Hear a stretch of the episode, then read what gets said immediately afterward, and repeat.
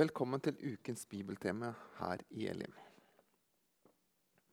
I Elim denne våren så er vi sammen om en felles bibellesningsplan som vi har kalt 100 dager med Jesus. Den finner du på våre nettsider. Hver dag så er det en kort tekst fra tekstene om Jesus slik vi finner dem i Bibelen. Og Hver uke er tekstene samla rundt et tema. Og Det er fullt mulig å koble seg på nå for deg som ikke har vært med til nå, og enten lese deg fram til hvor vi har kommet, da det ikke er så lange tekstene hver dag, eller kun koble seg på og lese de tekstene du finner i bibellesningsplanen fra i dag av og framover. Denne uken er temaet Jesus i Det gamle testamentet. Og Det er også temaet for denne bibeltimen. Et fantastisk spennende tema som også er en trøst i urolige tider. Fordi det vitner om Gud som har en plan, og om Gud som tross alle omstendigheter allikevel har kontroll. Temaet Jesus i Det gamle testamentet berører raskt tanken om Guds frelseshistorie. Om Bibelen skulle hatt en undertittel, så måtte det vært dette. Bibelen Guds frelseshistorie. Og Jeg vil uansett la det være en undertittel for denne bibeltimen. Og Bibeltimen vil som navnet sier, vare lenger enn en vanlig preken, så jeg håper du sitter godt og kanskje til og med har noe å notere ned med. For det kommer til å komme en del bibelhenvisninger underveis. Og disse kan du gjerne notere ned og selv lese og grunne på i etterkant. Da starter vi opp med temaet Jesus i Det gamle testamentet, Guds frelseshistorie. Det gamle testamentet består av 39 bøker og er delt inn i tre kategorier litteratur. Og dette er historiske bøker, profetiske bøker og poetiske bøker. Av historiske bøker så har du bl.a. Mosebøkene, krønikene og Samuelsbøkene. Det er bøker om skapelse, om urhistorie og fremfor alt historien om israelsfolket. Og Blant poetiske bøker så finner du eksempel som Salmenes bok og Høysangen. Og så har du profetbøkene med eksempler som Jesaja og Jeremia og alle småprofetene.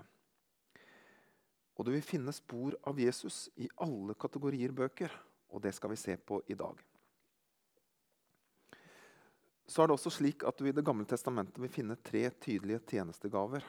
Vel, du kan kanskje også si fire, men de tre jeg tenker spesielt på, det er konger, profeter og prester. Den fjerde, som er et tillegg, da, det er dommerne. Om du leser denne ukens tekster i 100 dager med Jesus, så vil du se at disse tekstene viser at alle disse tre tjenestegavene var forbilder på Jesus. Altså at i Jesus så finner du alle disse gavene til stede. Han er en profet som Moses. Profetens oppgave den var å tale Guds ord til folket. Men Jesus han ikke bare talte Guds ord. Han er Guds ord. Så vi finner Jesus tjenestegavene enda sterkere til stede enn du finner det i selve tjenestegavene i Det gamle testamentet. Fordi han er heller ikke bare en ypperste prest som bærer fram offerblod til Gud fra en okse eller et lam men han bærer sitt eget blod fram som soning for våre synder en gang for alle. Og han er ikke bare en vanlig konge. Han er kongenes konge. Men la oss starte med begynnelsen av Bibelen. Det finnes ulike måter å lese og forstå skapelsesberetningen på. Noen leser den helt bokstavelig, andre leser den billedlig, og mange leser den et sted der imellom. Uansett hvilke tanker du har om det, så beskriver skapelsesfortellingen for oss store ting med få ord. Den er ikke et studie i naturvitenskap, men den sier noe helt bestemt om Gud, om skapelsen, om oss mennesker og vårt forhold til Gud. Den forteller at Gud har skapt alt, og at mennesket har en særskilt plass i dette skaperverket. Vi er skapt i Guds bilde, står det. Og dette danner utgangspunktet for et kristent menneskesyn. Og til slutt så forteller skapelsesfortellingen at vi er falt ifra Gud. Og dette kan du lese om i mandagens bibeltekst fra 1. Mosebok kapittel 3, som omhandler syndefallet. Og det er her jeg vil starte. Allerede her så finner du sporene av Guds frelsesplan. Noen ganger så kan vi fortelle historien, altså frelseshistorien på en sånn måte at Jesus framstår som en slags plan B eller C. Ja, altså at vi sier at siden menneskene ikke klarte å holde Guds bud, så så ikke Gud noen annen mulighet enn å iverksette plan B Jesus. Det er ikke sant. Jesus han var alltid plan A. Og Allerede i historien om syndefallet så trer denne planen om Jesus og Jesus frelsesverk fram. Kvinnens ett skal knuse hodet på slangen, sier, sier Gud i historien. Allerede her så står Golgata-planen fram. Kvinnens ett viser, peker fram mot Jesus. At han skal knuse hodet på slangen, peker fram på den dagen da Jesus seirer på korset og beseirer synd og død og Satans makt. Men det skjer også noe annet i denne historien. For etter at Adam og Eva har, har synda og oppdager at de er nakne, så står det at Gud slakter et dyr. Og så kler han Adam og Eva i kjortler av skinn. Jeg viste til Jesus som en ekstraordinær ypperste prest i stad.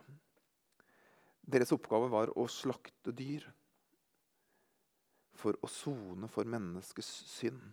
Og her har du igjen dette bildet fra historien om Adam og Eva. Noen måtte dø for å dekke over deres synd. Dette peker også fram mot Jesus.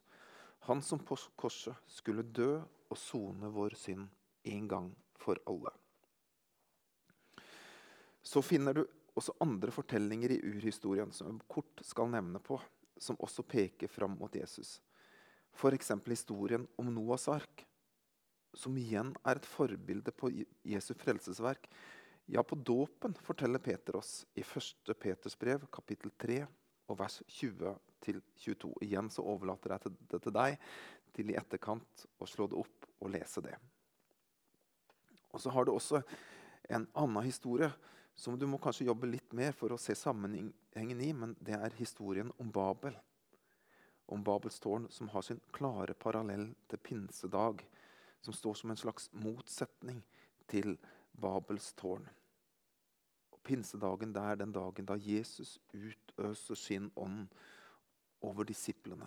Altså fins det også en sammenheng her mellom, mellom fortellingen om Babel og Jesus sitt frelsesverk.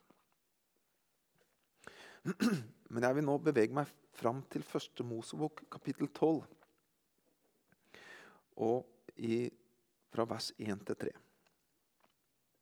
Her forteller teksten at Gud velger seg ut Abraham, senere kalt Abraham, og hans slekt med et mål. Og Målet er at gjennom Abrahams slekt så skal alle jordens slekter velsignes. Og i kapittel 15 i første Mosebok så fullfører Gud denne pakten med Abraham. Og igjen, om du leser dette kapittelet, så vil du igjen oppdage at pakten den blir inngått gjennom at, at et dyr blir ofra og må dø. Og denne pakten med Abraham den fører han videre gjennom sønnen Isak og deretter barnebarnet Jakob.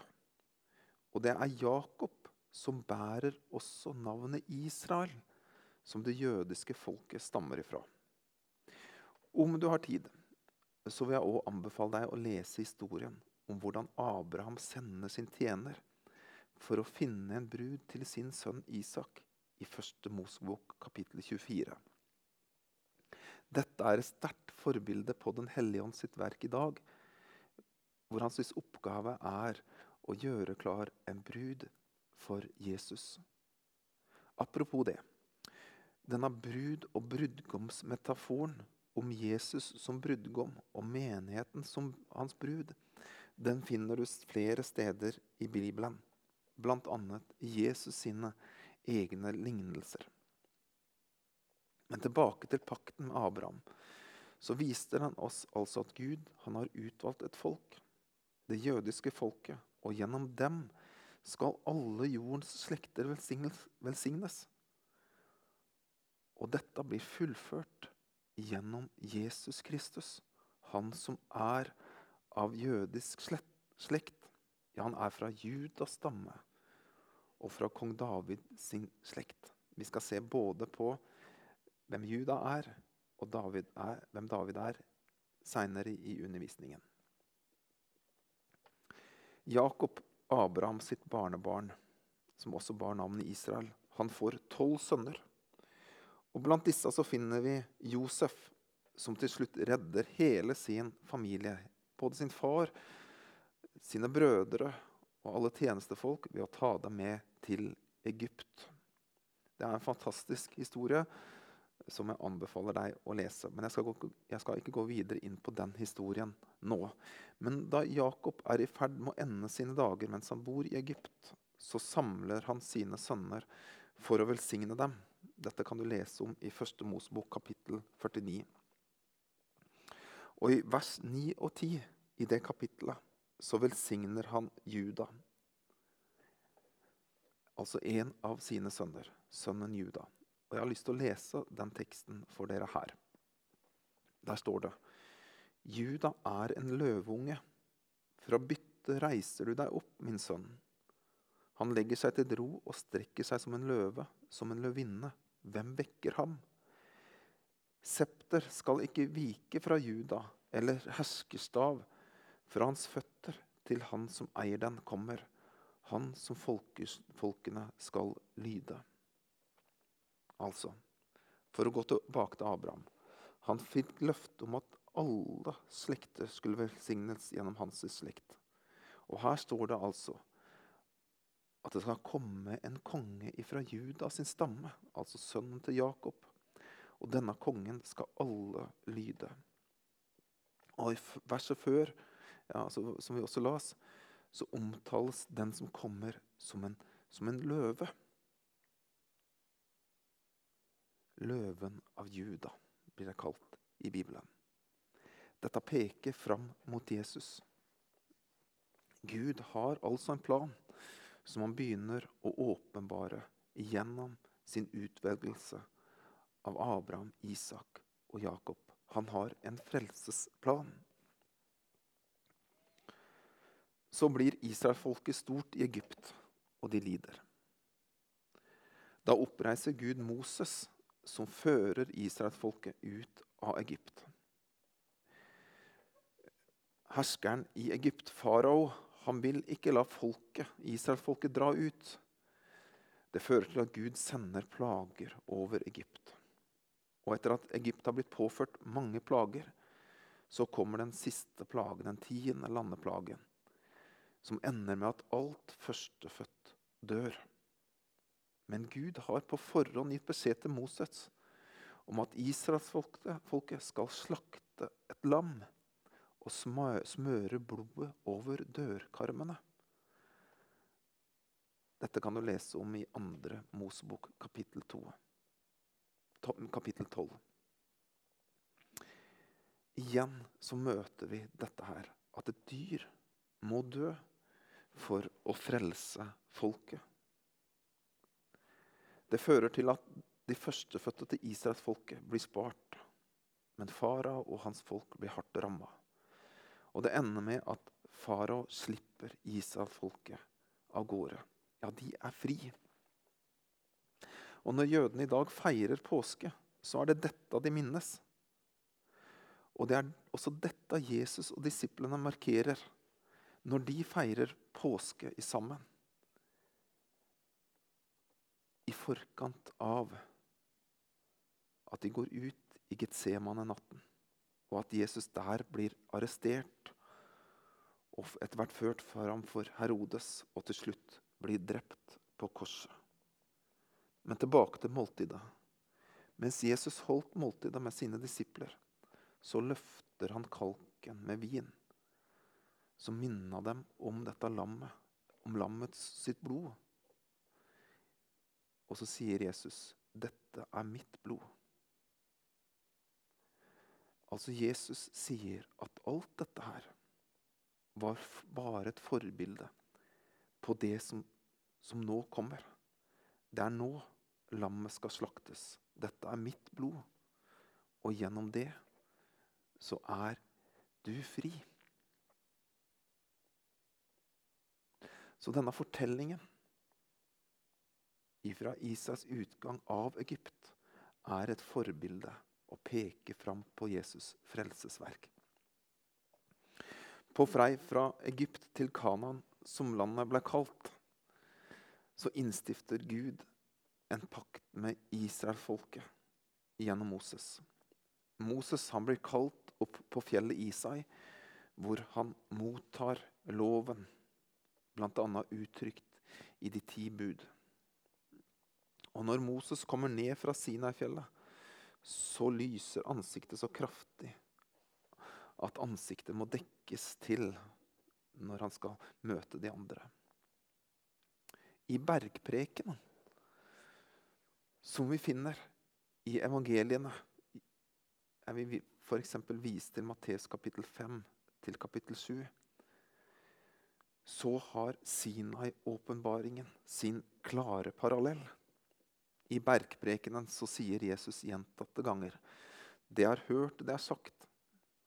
Men jeg sier dere.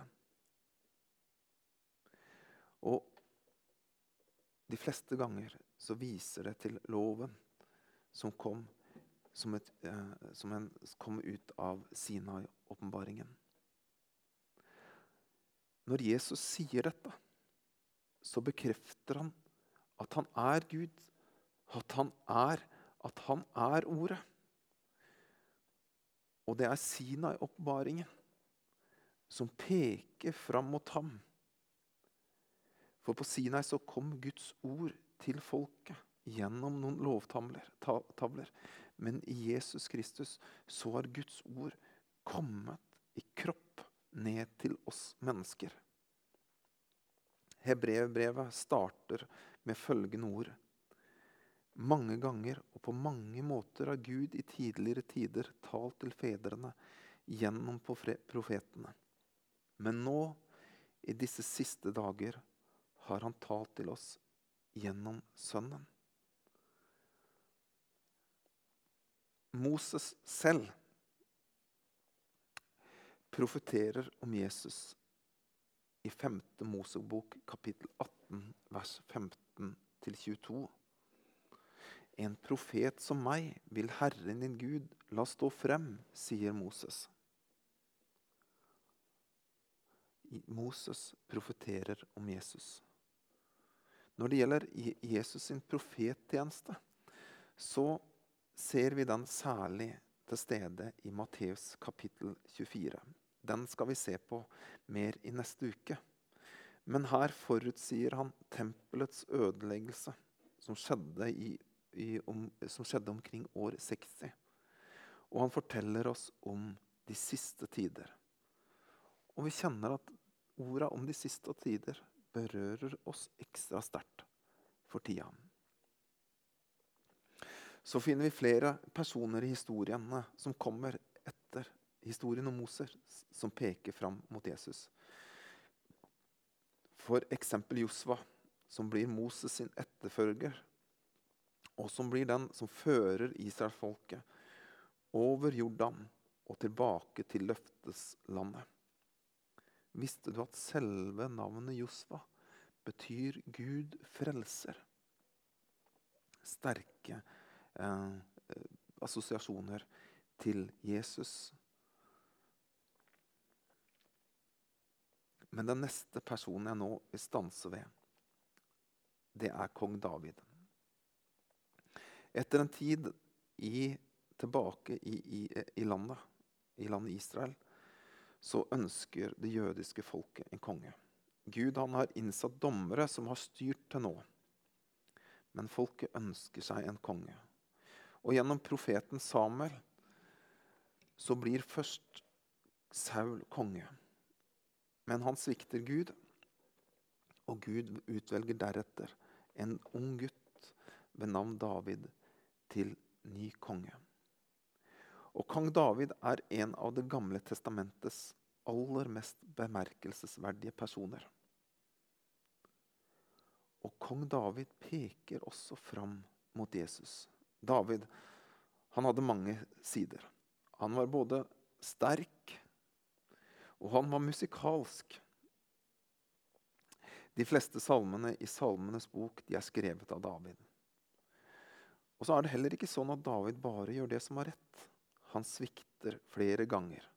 Han lar bl.a. sin soldat Urias dø for at David skal få hans kong Batseba.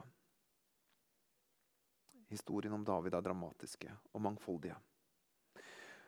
Og når det gjelder David sin, sin kongsmakt, så måtte han først kjempe mot Saul om kongsmakten. En, en, kamp han egentlig ikke hadde lyst til å kjempe, all den tid Saul sin sønn Jonathan var Davids gode venn.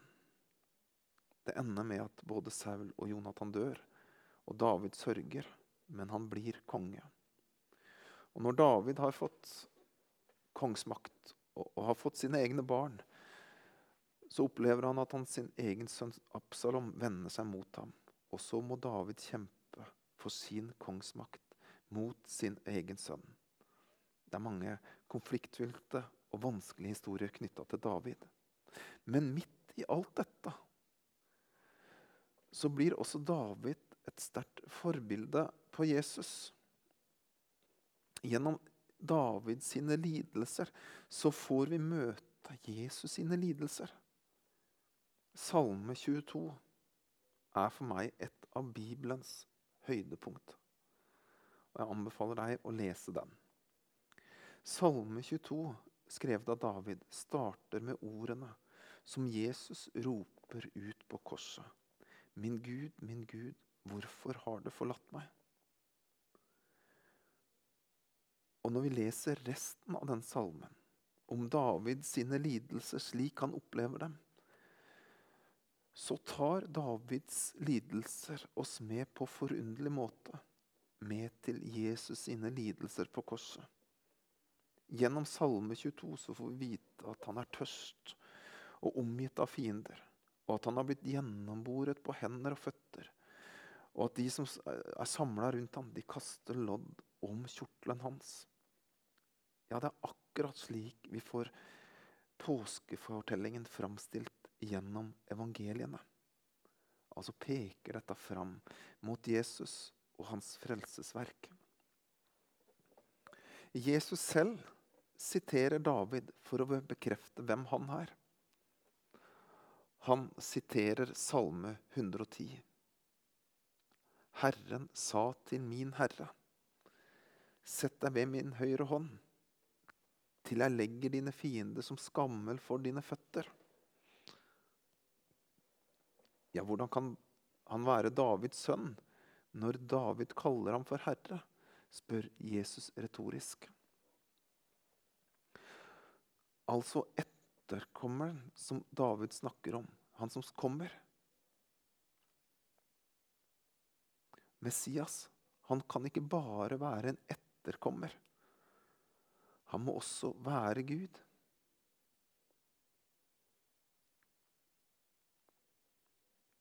Noen ganger så møter vi ulike begrep på Jesus i Det nye testamentet. Davids sønn, Guds lam, løven av Juda. Alle disse forklaringene eh, til disse navnene finner du i det som vi nå har gått gjennom. Og som jeg starta med, så sa jeg at vi finner Jesus i både de historiske poetiske og de profetiske bøkene i Det gamle testamentet. Til nå har jeg mest sett på de historiske skriftene. Når det gjelder Davidssalmen i Salme 22, så er den en del av de poetiske skriftene. I Høysangen, som også er en poetisk bok, eh, så finner vi også ting som peker fram mot Jesus.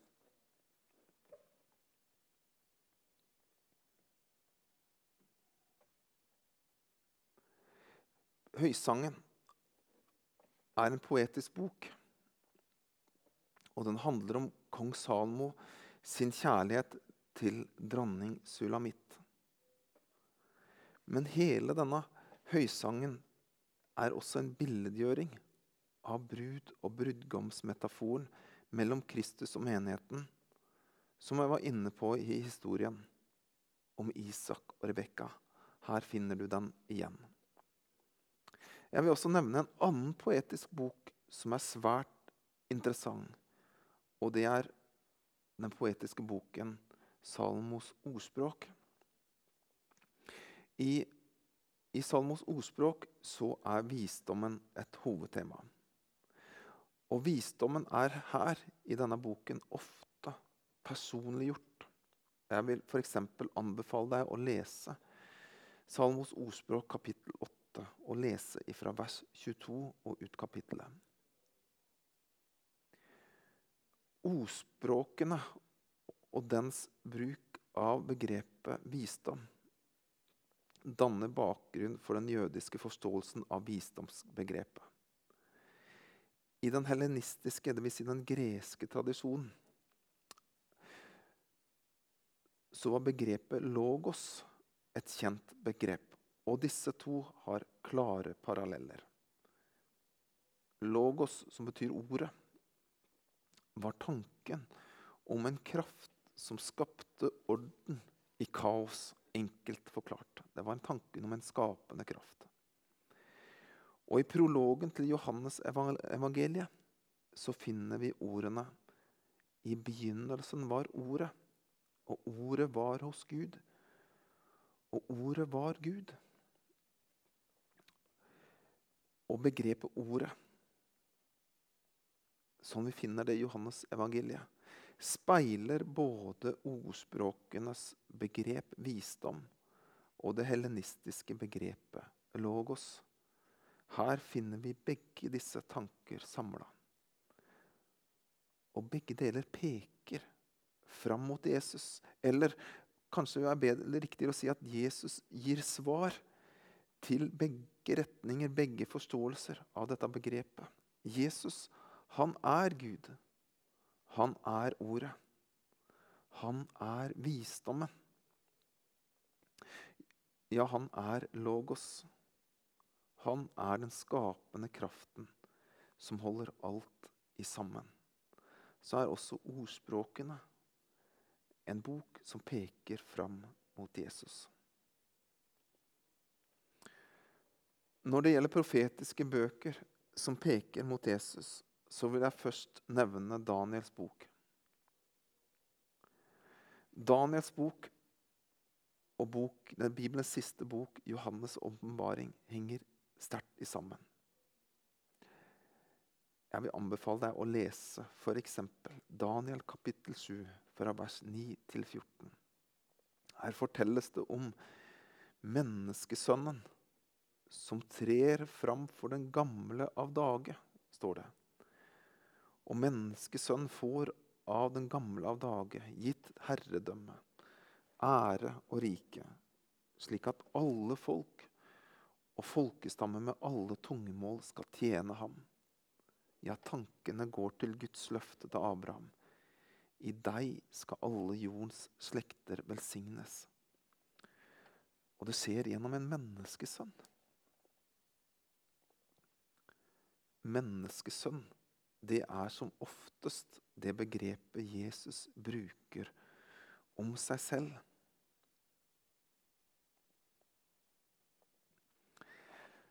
Så vil jeg avslutningsvis ta deg med til det som for meg er Det gamle testamentets sterkeste tekst om Jesus. Og den finner du i en profetisk bok, nemlig Jesajas, og i, i kapittel 53, og fra vers 1 til 7. Og jeg vil lese teksten for deg nå. Hvem trodde budskapet vi fikk? Hvem ble Herrens arm åpenbart for? Han skjøt opp som en spire for hans ansikt, som et rotskudd av tørr jord. Han hadde ingen herlig skikkelse vi kunne se på, ikke et utseende vi kunne glede oss over. Han var foraktet forlatt av mennesker. En mann av smerte, kjent med sykdom, en de skjuler ansiktet for. Han var foraktet, vi regnet ham ikke for noe. Sannelig, våre sykdommer tok han. Våre smerter bar ham. Vi tenkte, han er rammet, slått av Gud og plaget. Men han ble såret for våre lovbrudd, knust for våre synder. Straffen lå på ham, og vi fikk fred, og ved hans sår ble vi helbredet. Vi gikk oss alle vill som sauer, hver tok sin egen vei. Men skylden som vi alle hadde, lot Herren ramme ham. Han ble mishandlet, han ble plaget, og han åpnet ikke munnen lik et lam som føres bort for å slaktes, lik en sau som tier når den klippes, og han åpner ikke munnen. En fantastisk tekst om Jesus som peker fram mot Jesus og hans frelsesverk på korset. Og igjen så møter vi bildet av lammet som skal slaktes Nå har jeg denne bibeltimen kun berørt overflaten av det hele. Og det er andre eksempler og andre tekster som hadde vært sikkert like bra å kunne ta med. Og det kunne helt sikkert blitt holdt en bibeltime over hvert skriftsted som jeg har berørt, nevnt eller lest. Men jeg har forsøkt gjennom denne bibeltimen å gi dere et grunnleggende perspektiv på Jesus i Det gamle testamentet. Et grunnleggende overblikk. Og så håper jeg at det kan skape en interesse og et ønske om å vite mer. Personlig så synes jeg dette er spennende. Jeg synes det er sterkt. Og jeg synes det er trosstyrkende å lære om dette. Men hva har dette å si til oss i denne tiden? For meg så står det fram et stort svar på dette. Jo, vi får tro på en Gud som har kontroll. Hans ord gitt gjennom Bibelen har stått fast gjennom alle skiftende tider. Jeg har iblant undra på hva mennesker fra Jesus sin tid, altså tiden da han vandra her på jorden, hva de tenkte om liv og om håp før Jesus kom. I Judea på Jesu tid så levde man under okkupasjon. Og landet Israel hadde så mange historier om bristende håp. Men iblant dem så levde også en forventning til Messias, skapt av tekstene vi har vært innom i dag. Og forestillingene om hvem han var, og hvordan han skulle være, de var mange. Men de aller fleste venta på en krigerkonge. En som skulle jage okkupasjonsmakten ut og bli en konge, konge som David, en hærfører. Ja, de hadde sine forestillinger om hvordan Gud skulle gripe inn. Men så kom Jesus. Davids sønn, løven av Juda, Guds lam. Og Jesus, han viser oss hvem Gud er. For så høyt har Gud elsket verden at han ga sin sønn den enbårne. Sånn er Jesus. Og så kan vi sitte i dag og kjenne på og vite og hvile i at det er også hos ham, i nettopp nå, i vår tid og i vår situasjon, at vi fremdeles kan finne håp. Må Gud velsigne dere alle.